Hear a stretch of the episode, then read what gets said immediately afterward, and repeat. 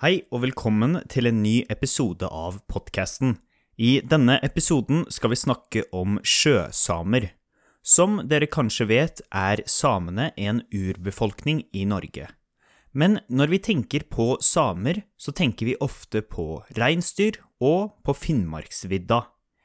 I denne episoden skal vi finne ut at samer er mer enn det.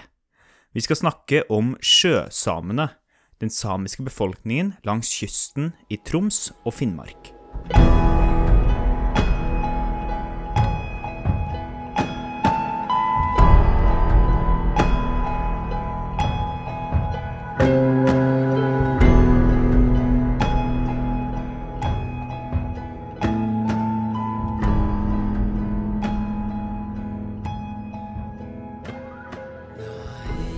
Sjøsamene er en gruppe samer som har sitt tradisjonelle leveområde langs kysten.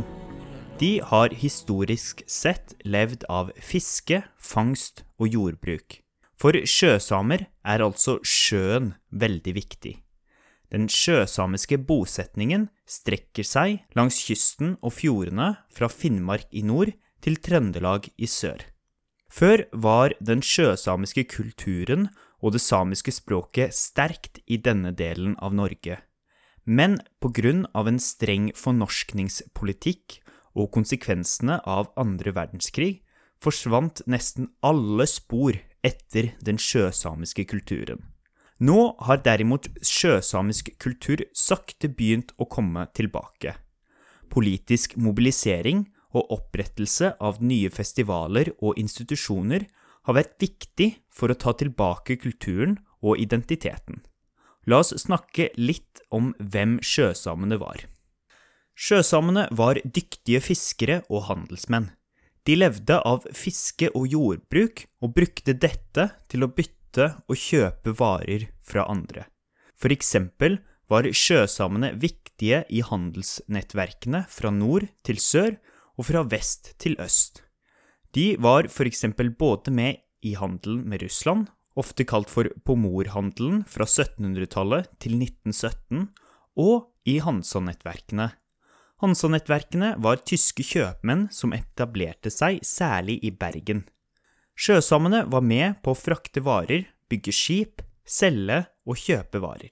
Men særlig viktig for sjøsamene var det kulturelle og økonomiske båndet de hadde til reindriftssamene, altså samene som levde av reinsdyr.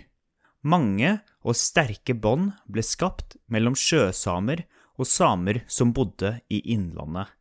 Det var for eksempel vanlig å gifte seg mellom hverandre. Det har også lenge vært tett kontakt mellom samer og nordmenn.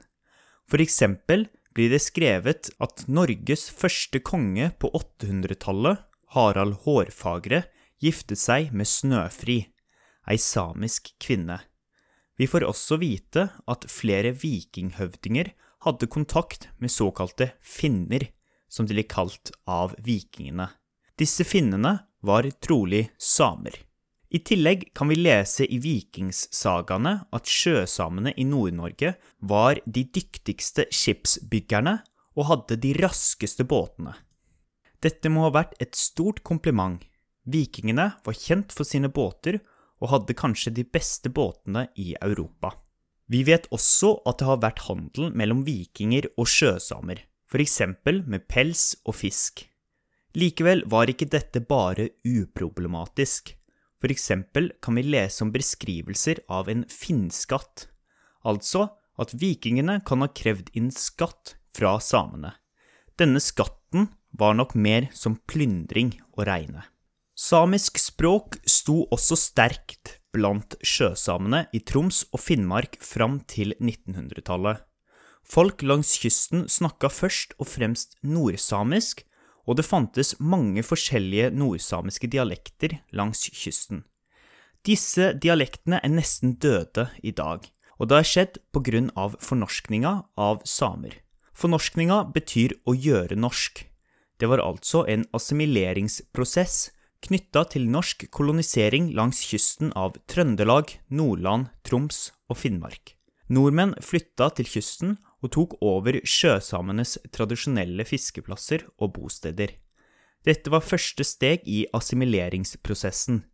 Den skjedde først i Trøndelag, og i dag er sjøsamisk kultur i Trøndelag praktisk talt utrydda. Men det var spesielt fornorskningspolitikken som staten gjennomførte mot den samiske befolkningen på 1800- og 1900-tallet, som ødela den sjøsamiske kulturen og språket lenger nord i Troms og Finnmark.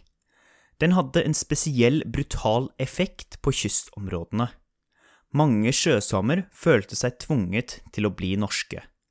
Samiske barn fikk ikke lov til å snakke samisk på skolen, og de ble straffet for det. Det var ofte enspråklige barn, altså barn som bare kunne samisk. Lærerne snakket derimot bare norsk, og kunne som regel ikke samisk. Dette gjorde at samiske barn nesten ikke lærte noe som helst på skolen. Da de ble voksne, ville de derfor at barna deres bare skulle snakke norsk. Samiske foreldre slutta å snakke samisk med barna sine. I tillegg til fornorskningsprosessen var andre verdenskrig veldig skadelig for den samiske befolkningen i nord.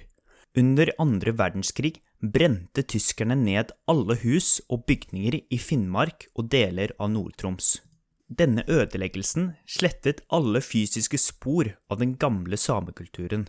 Dette forsterket dermed fornorskningsprosessen langs kysten. Gjenoppbyggingen etter krigen tok ikke hensyn til tradisjonell samisk kultur og byggeskikk. De brukte en standardisert modell som ikke hadde som mål å bevare det unike lokale særpreget.